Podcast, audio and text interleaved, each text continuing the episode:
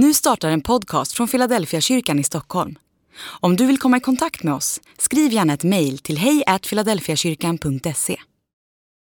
Jag ska fortsätta att läsa från Filipperbrevet. Det är ju fyra kapitel det där brevet. Filipperbrevet kallas glädjens brev, men är skrivet av Paulus när han sitter fängslad i Rom. Det är bara det är lite motsägelsefullt. Det andas så mycket glädje och hopp och så vet man att Paulus möjligen är på väg att avsluta sitt liv. Det finns lite olika idéer om det verkligen blev det här, den här gången. Det finns något som heter första Klemensbrevet skrivet eh, efter de nytestamentliga breven men före år 100. Där antyds att Paulus blir fri och gör en resa till Spanien för att sen bli fängslad och avrättad igen. Hur det nu än är med den saken, så vet Paulus att han sitter i fängelse med livet som insats för sin tros skull. Så man tänker att han har mycket att fundera på. Han borde, han borde ha mycket att processa. Och ändå hör man om och om igen honom säga i det här brevet, men var glad. Och hans glädje, det var det som du tror jag var inne på också Andreas. Glädjen är ju inte i omständigheterna. Han säger, var glad i Herren. Alltså är omständigheterna är inte de mest upplyftande, men det finns alltid något att vara tacksam för från Guds sida. Fånga det. Jag ska ge dig tre goda råd i konflikter. Och de är inte mina, utan det är Paulus som ger de här råden. Och jag, när jag läst dem och, och, funderat på dem, vi har processat i pastorsteamet, så, så tycker jag det ligger så mycket visdom i detta. Det är evangeliet omsatt i vardagspraktik. Så, har jag, jag har, så här kommer det gå till nu då. Jag ska läsa det här bibelordet som jag ska tala om. Sen ska ni få en inledning och jag tänkte att jag skulle hålla den kort men inser direkt ämnet som ligger i min inledning. Det är egentligen omfattande nog för en hel egen predikoserie. Så en inledning kommer och sen kommer du få tre råd som kommer ur bibeltexten. Så så blir det. Nu ska vi läsa ifrån Filipperbrevet kapitel 1 vers 27 till vers 30. Så här säger han. Lev nu bara på ett sätt som är värdigt Kristi evangelium. Så att jag, vare sig jag besöker er eller är någon annanstans, får höra om er att ni står fasta i en och samma anda att ni sida vid sida kämpar för tron på evangeliet och aldrig någonsin låter er skrämmas av motståndarna. Det gör klart för dem att de ska gå under och ni räddas som en gåva från Gud. Ty ni har fått nåden att ja, inte bara tro på Kristus, utan också att lida för hans skull. Ni har samma strid att utkämpa som ni såg att jag hade och hör att jag fortfarande har. Inledningen först. Och det är ju det Paulus säger sist. Han säger att ni vet ju att jag hade en strid att utkämpa och den har jag fortfarande. Det är efterhängset, alltså konflikter, anspänning. Och så riktar han sig ju till den här församlingen i Filippi och så säger han att ni har fått nåden inte bara att tro på Jesus, utan att lida för honom. Den där versen vill man ju ta bort. Jag, jag vet att en del som var med i pingströrelsen längre tillbaka, de brukade fråga varandra, lever du i seger? Man kan fundera på vad det betyder. Möjligen kan man säga att alla, in, alla fattar att livet är en kamp. Och man kan ha större eller mindre framgång i den där kampen. Men det är helt uppenbart med det Paulus skriver, att lidande är en integrerad del av hans tro. Han hade det från början, han har det när han skriver det här brevet. Lidandet verkar ofrånkomligt. Det här är min inledning nu. Låt oss bara fundera på det här ett tag. När, när, när, vi tänker på lidande, åtminstone jag, så tänker jag ju oftast på fysiskt lidande. Det har väl att göra med att jag lever i ett samhälle präglat av välfärd. Så lidande, det handlar om att det är som, man har ont i ryggen, ont i knäna eller man drabbas av en sjukdom. Men det är inte det lidandet primärt Paulus talar om. Det verkar finnas med också. Utan det är en allmän livsupplevelse han beskriver. Den tro han har, den försätter honom i ett läge som gör ont. Han lider. Det där, det där, om vi bara stannar en liten stund och jag säger igen, det här är egentligen tema för en hel predikoserie. Det här har inte bara med taskiga omständigheter att göra, som man kan tänka. Det här har någonting med hela vår gudsbild att göra. Det här handlar om vem Jesus är och vad det är han kallar oss till.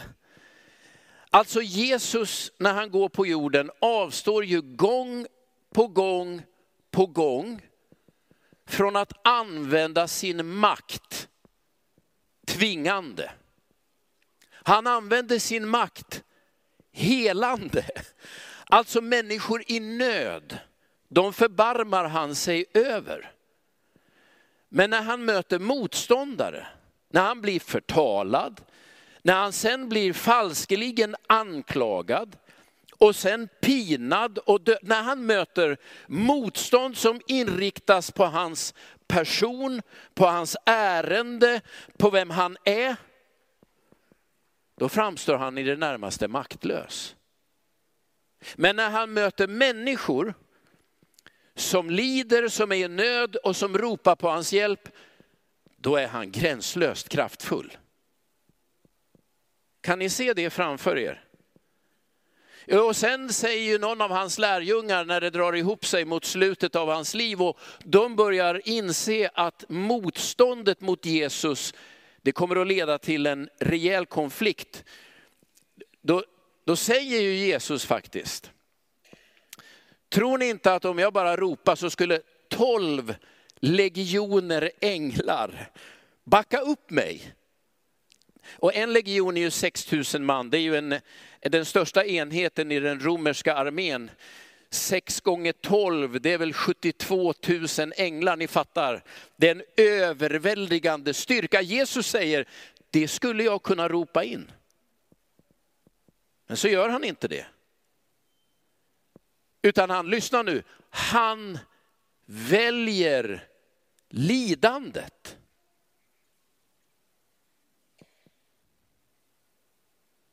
Och enda gången han demonstrerar makten är i barmhärtigheten och kärlekens tjänst. Jag har ju sagt själv, och jag tänker att det är så många av oss tänker, vi vill vara medvetna efterföljare till Jesus Kristus. Och om det här är den väg Jesus väljer, är ju det också den väg jag kommer att gå. När kan jag ropa på Guds makt, hans kraft? När kan jag tänka, Gud visa nu att det är du som bestämmer? Och varje gång vi står inför människor som behöver barmhärtighet, som skulle behöva ett bevis på att Gud är kärlek och omsorg. Varje gång en människa säger, jag orkar inte bära min synd, då kan jag be för ditt namn och för ditt blods skull. Förlåt synden, föd på nytt. Gör det som inte är möjligt. Och jag har sett Guds makt röra sig. Men varje gång någon attackerar mig, eller varje gång någon förtalar kristen tro, eller varje gång människor själva medvetet väljer att gå en annan väg än den vi tror är den rätta. Då är vi maktlösa. Vi kan bara fortsätta att be. Några kristna i andra delar av världen och i vår historia bakåt här, vi har ju tänkt, ja men om vi ändå kunde få lagar, ni vet lag är ju någonting eh, som eh, sätter en gräns för människor med hot om straff och i värsta fall möjlighet till våld. Eh, tänk om vi kunde använda de metoderna. Och varje gång jag hör det så tänker jag det är så anti-Jesus det kan bli. Han tvingar ingen. Vad gör han då? Han lider. Var kommer lidandet ifrån? Lidandet kommer ifrån att bli förkastad. Att människor väljer bort och går en annan väg. Och det verkar som att hela evangeliet är kodat så att lidandet blir en ofrånkomlig del.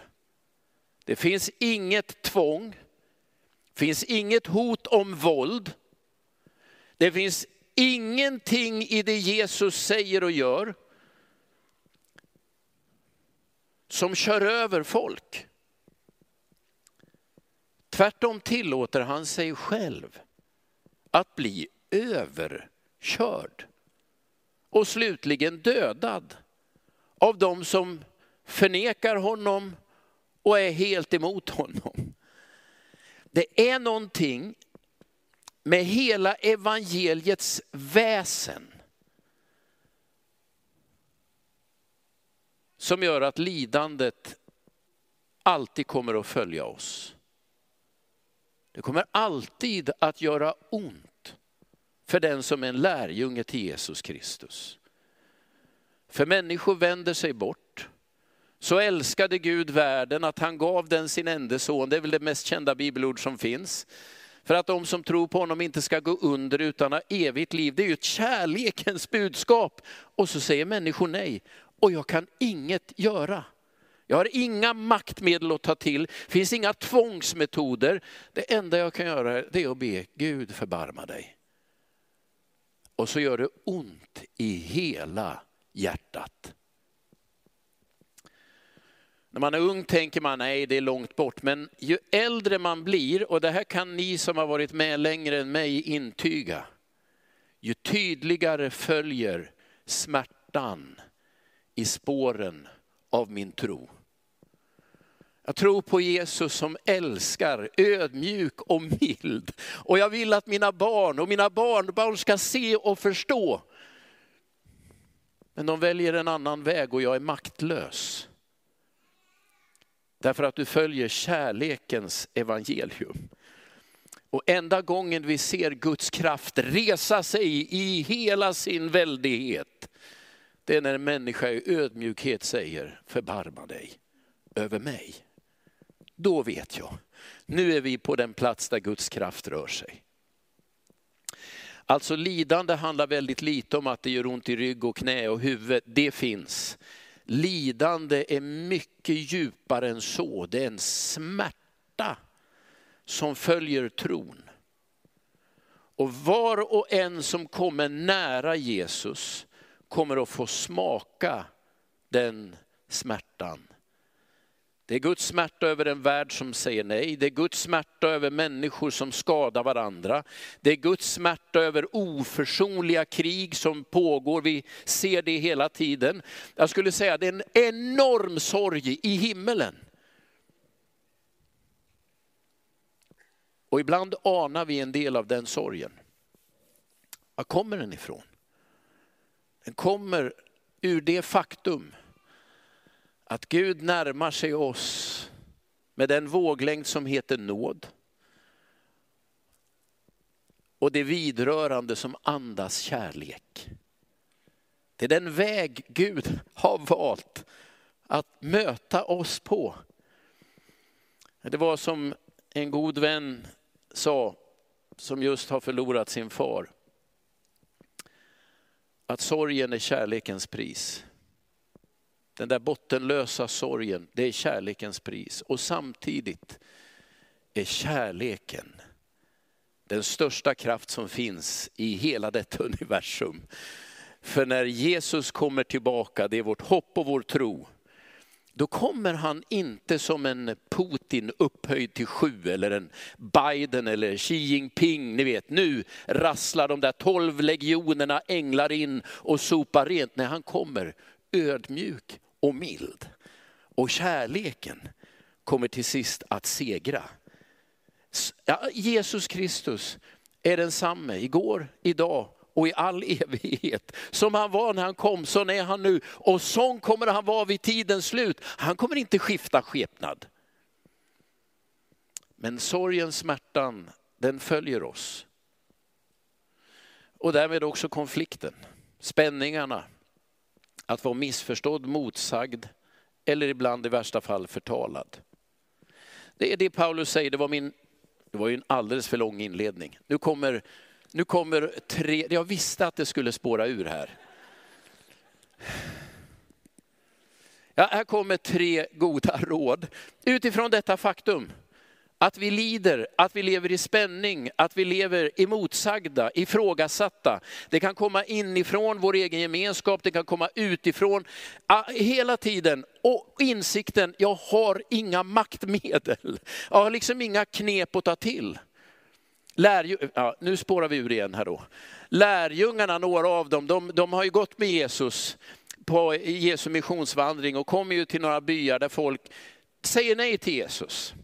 Då är det ju två av de mer kreativa i laget som säger, Herre, kan vi kalla ner eld över de här byarna? De tänker det hade varit en demonstration som hade satt skräck i hela regionen och lett till massomvändelser. Det vill vi se. Jesus blånekar. kommer inte hända. Det är inte så jag jobbar. Jag har ett helt annat sätt att möta både människor och motstånd. Och jag, är en, jag vill vara en medveten efterföljare till Jesus Kristus. På det här området är jag ständigt utmanad och kommer att vara hela mitt liv. Nu, tre goda råd. Första han säger, Lev nu bara på ett sätt som är värdigt Kristi evangelium. Ja, han talar inte om värdighet i största allmänhet, utan han säger lev nu så att ditt liv matchar evangeliet. Det är det han säger. Att du på något sätt hela tiden låter evangeliets koder styra dina tankar, dina känslor och dina handlingar. Och det där är någonting han utmanar folk till. Säger, nu, du har ju hela tiden det här valet. När konflikten kommer, när du är ifrågasatt, när dina barn gör uppror, när politikerna går en annan väg än du tycker är rimlig, när du blir upprörd i ditt innersta. Vart är vi på väg? Ni vet allt det här. Det är lite olika det som stör oss. Det är då Paulus säger, nummer ett, Sortera nu hela ditt känsloregister, dina tankar, det som händer i dig, så att det är värdigt evangeliet. Vem var Jesus? Vad sa han? Hur gjorde han? Låt det matcha in i ditt liv. Så den första tanken är värdig. Evangeliet. En kort referens, det finns ju eh, en lista på förväntningar på församlingsledare i första Timoteusbrevet kapitel 3. Vi som pastorer vi läser den med stort obehag. Därför att vi, det är lite olika om det är vers 1 eller vers 3 eller vers 7 vi inser det här går ju inte i, i mitt liv. Men jag tror att det är en av de bästa listorna som finns. Men där, står, där säger Paulus följande.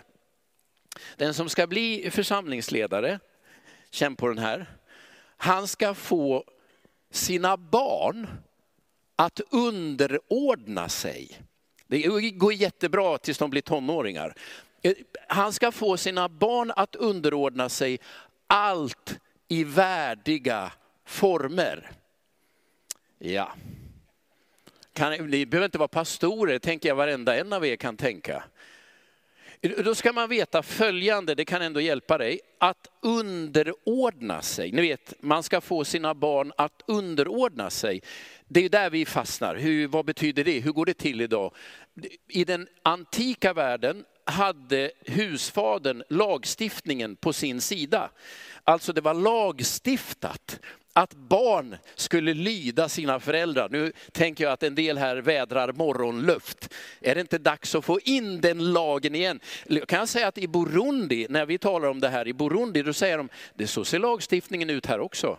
Barn ska alltså enligt nationell lagstiftning i Burundi vara lydiga. Så var det i antiken också. Att barn ska underordna sig sin farsa, det stod ju i lagen, så då kunde man när man hade bråk där hemma hota med polisen. Det är till och med grövre än så. Man hade som far, husfar rätt att använda vilka fysiska metoder man ville. Skulle det leda till att en vanartig son avled så gick man fri. Kan ni tänka er? Vi har kommit långt ifrån den här världen och en del av den resan tror jag vi är tacksamma för. Nej, nej, vad är poängen? Poängen är inte att han får sina barn att underordna sig, utan att det sker med värdighet.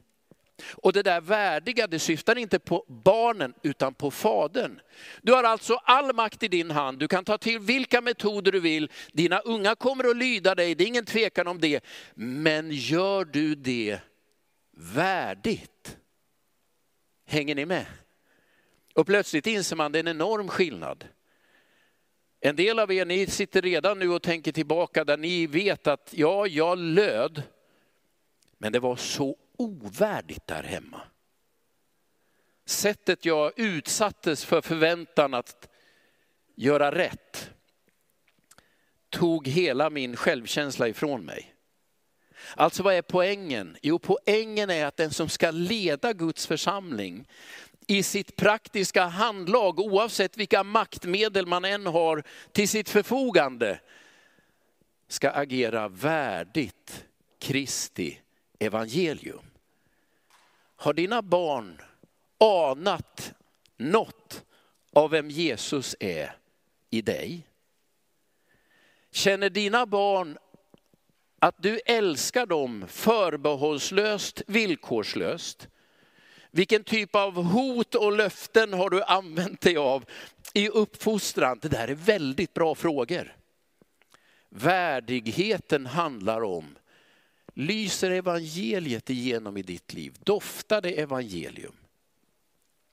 Vi har ju, vi har ju talat om att vara värd i Philadelphia. Ni vet, man möter folk nere vid dörrarna jag är så tacksam för alla er som är värdar här i Philadelphia kyrkan. Jag har mött människor som har kommit, inte så frekvent, bland annat mina föräldrar. De dyker upp här någon gång vartannat år. Och man hör ju på dem. Någon gång av de första åren så, så sitter, nu ser ju de det här.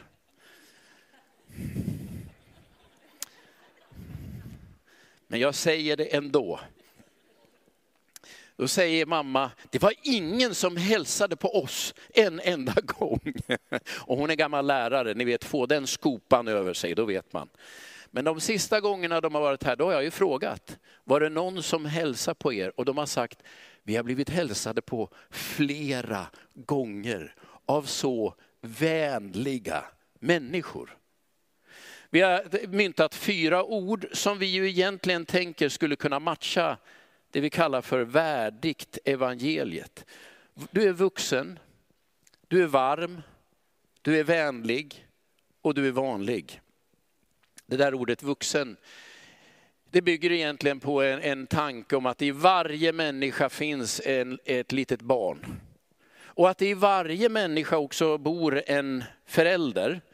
Men att man väljer att vara vuxen. Jag möter dig som en, en ansvarstagande människa och jag vill att du ska känna att det är det jag ser i dig. Jag möter inte som om jag vore en lite besviken unge som är bitter på det mesta. Eller som en lite mästrande farsa, du när jag var i din ålder höll jag också på. Så det, man krymper direkt. Nej, vuxet. Varmt. Jag tar ibland bussen in hit, bor ute på Gudö, det tycker jag är ett passande namn på en plats. Och när man går på bussen på morgonen, numera behöver man ju inte köpa biljetten av konduktören utan man ska bara blippa sitt kort. Men eller eh, busschauffören han sitter ju och kollar. Och ibland när man går på den där bussen så inser man, här sitter en massmördare. Jag ser det i hela hans blick. Du vet, vad har jag gjort för fel? Han är bitter direkt.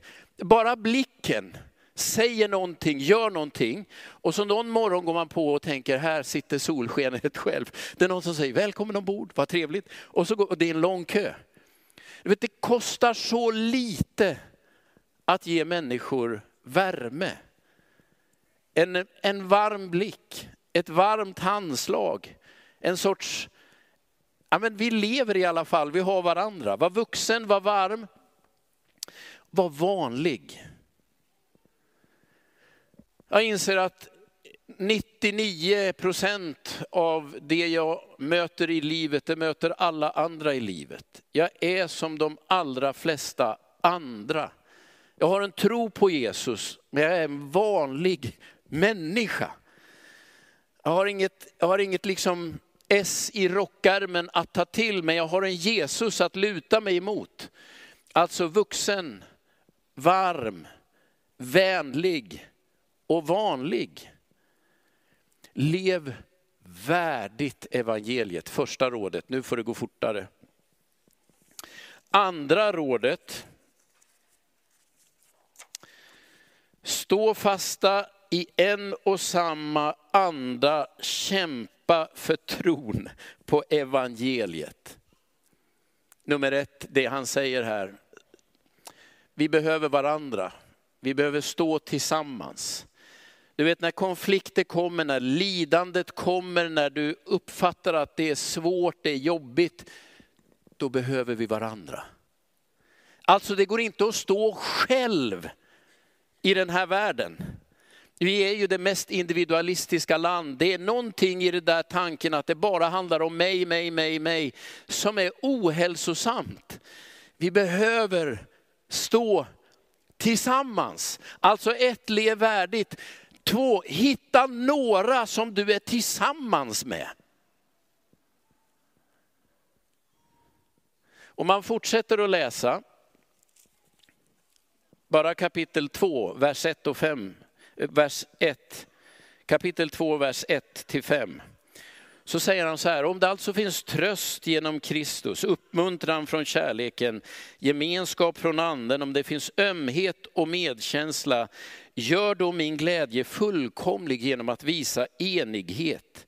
Lev i samma kärlek, eniga i tanke och sinnelag, fria från själv, självhävdelse och fåfänga. Var ödmjuka och sätt andra högre än er själva.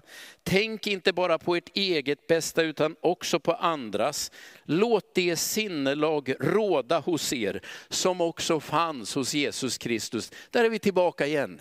Lev värdigt evangeliet. Låt det sinnelag råda hos er som fanns hos Jesus Kristus.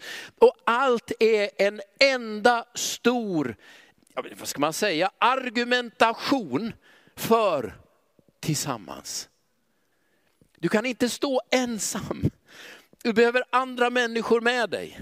Sätt andra lite högre än dig själv. Håll koll på din självhävdelse och din fåfänga.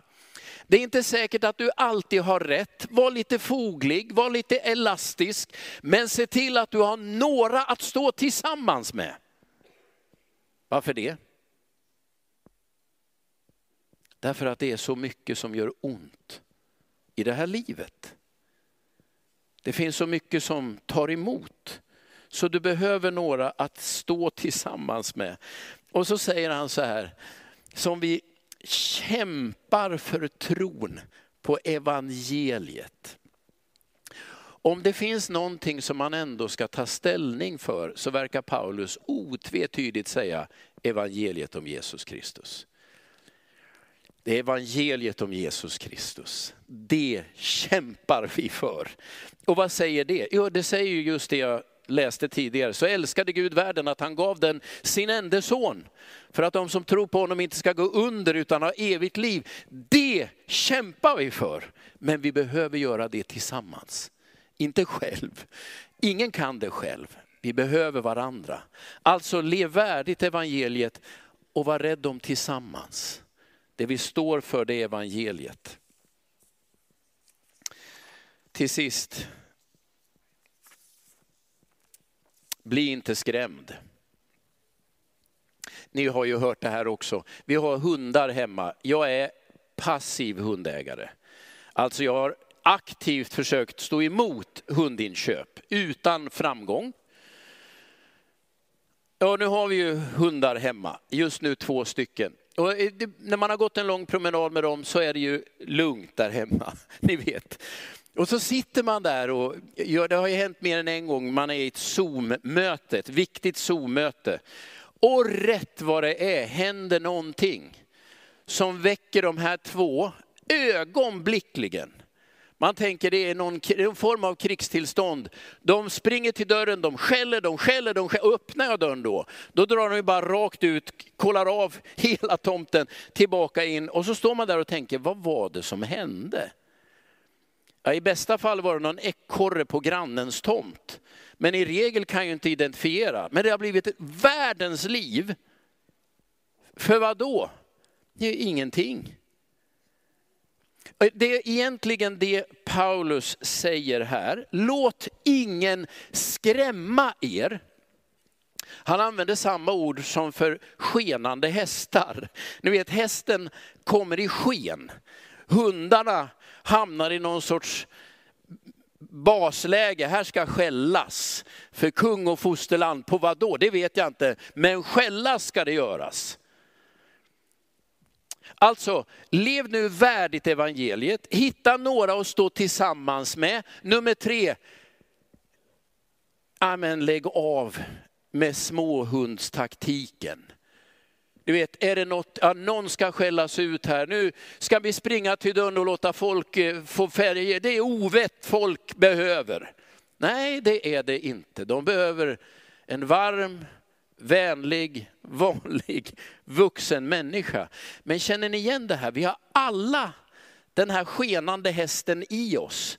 Eller den där lilla ilskna småhunden som för säkerhets skull skäller på allt. Ni vet man är ute då, som ju jag oftast är. Så kan, kan det räcka att det ligger en, en, du vet, en sån här vit bal med hö. Det ligger en sån som inte har legat där förut. Jag kan säga att den där, som, den där har inte legat där förut. Mina hundar, de ställer till med en rejäl scen. För det måste alla veta att den här vita knölen, den har inte på den här platsen att göra. Sen går det då några veckor och sen har de accepterat, okej okay, den är där, men jag lovar, det är något annat nästa gång. Och det är samma scen varje gång. Full uppställning, rejäl attack och en ordentlig utskällning. Det är det Paulus säger, det där passar sig inte.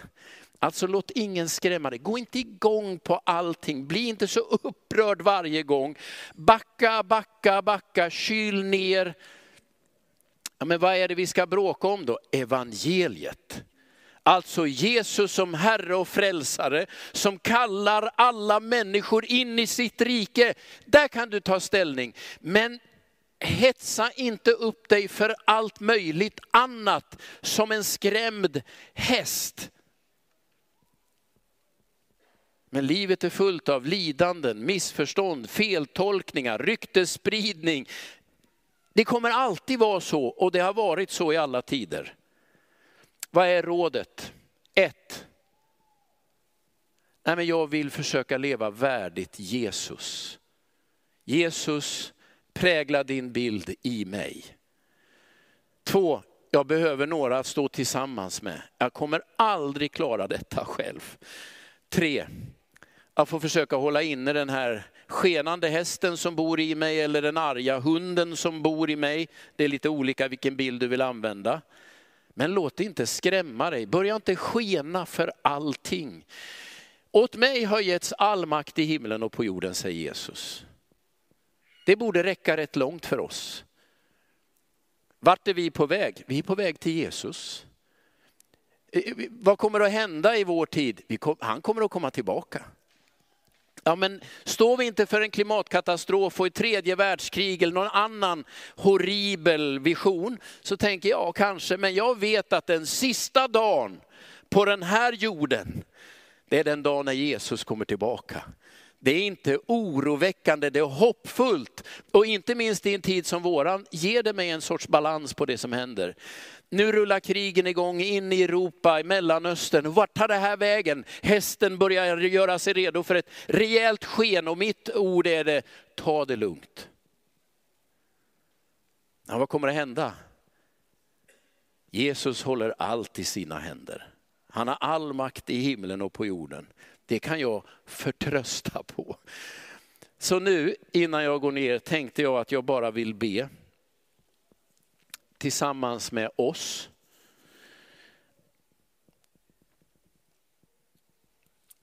Varför säger Paulus att vi ska leva värdigt evangeliet? Jo, därför att vi ibland har så svårt med det. Varför säger Paulus att vi inte ska dra iväg som en skenande häst? Jo, för att det händer lite nu och då. Tanken bara sticker iväg, känslan löper amok. Vi får i värsta fall be om ursäkt för vi har sagt en massa dumheter. Varför säger han att vi ska vara tillsammans? Därför att det är så enkelt att stänga in sig på sin egen kammare och tänka, jag vill inte ha någon annan här. Alla de här tre områdena skulle jag bara vilja ta med i bön innan jag går ner. Och jag tänker så här, några av er som sitter, ni tänker, ja, det här att leva värdigt evangeliet, det där, det där kände jag i kroppen. Jag skulle behöva starta om på den punkten. Min uppfattning är att så fort vi säger Jesus hjälp mig, så är han där. Då är han där. Och du som sitter här och tänker, jag är ofrivilligt ensam andligen ofrivilligt ensam. Det är inte självvalt, jag behöver hitta tillsammans. Han är där. Och du som vet att ah, det skenar så ofta i mitt inre, det galopperar iväg och jag får inte stopp på det. Han är där. Så det är de här tre sakerna jag bara tänkte inbjuda till att bli bädd för. Så enkelt, här sitter jag. Du som tänker jag behöver värdigt evangeliet i mitt liv. Strax kommer du få lyfta din hand så be en bön. Du som känner jag behöver, jag behöver få vara tillsammans. Inte själv, tillsammans. Du kommer också få lyfta din hand så ska jag be och du som vet, det skenar för ofta i min tanke och i min känsla. Det blir inte bra. Du kommer få lyfta din hand och så kommer jag att be. Så nu gör vi så att vi böjer våra huvuden i respekt för varandra och låt oss be. Jesus, du som är våran frälsare, fylld av nåd och barmhärtighet. Du som aldrig stred i egen sak men förbarmade, förbarmade dig över alla människor i nöd. Dig vill vi följa, dig vill vi likna. Och nu ber vi dig i den här bönestunden, låt din helige ande verka i oss så ställer jag frågan medan vi är i bön. Om du sitter här någonstans som känner jag behöver leva värdigt evangeliet. Kan du bara lyfta upp din hand just nu. Gud välsigna er som lyfter era händer där det nu finns. Så har jag den där andra frågan, ni som känner jag behöver hitta detta tillsammans. Gud välsigna er. Ni som känner jag vill hitta en andlig gemenskap, människor att tro tillsammans med. Lyft era händer. Gud välsigna er. Och så den där tredje frågan. Skenande hästen, de arga småhundarna inne i huvudet. Det bara far iväg och du tänker jag behöver få stopp på det här. Lyft din hand så ska jag ta med dig i förbön. Gud välsigna er, ni som nu lyfter era händer. Herre Jesus, då vill jag be för varje hand som har varit i luften. Varje omständighet den handen representerar. Herre, jag ber att, att din helige ande ska ge oss kraft att följa dig när livet är fyllt av konflikt och lidande. Hjälp oss leva värdigt evangeliet. Och så ber jag dig att du ska öppna dörrar för gemenskap. Låt den här församlingen vara en öppen dörr för den som inte längre vill vara ensam. Hjälp oss att hitta det där tillsammans som du kallar oss till. Ingen kan stå ensam, vi behöver varandra.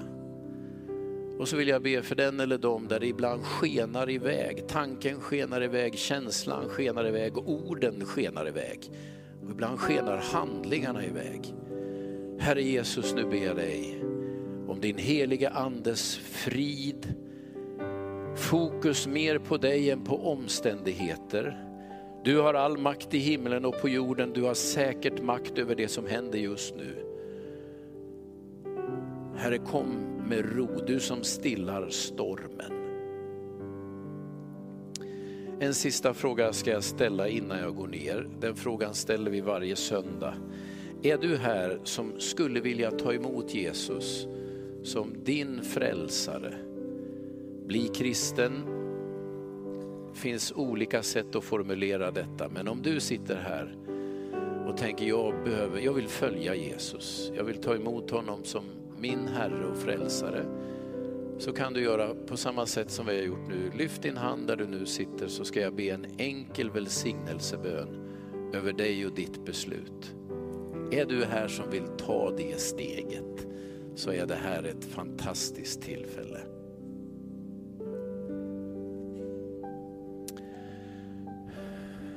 Herre, vi tackar dig för att du ser och du vet vad som finns i var och en av oss.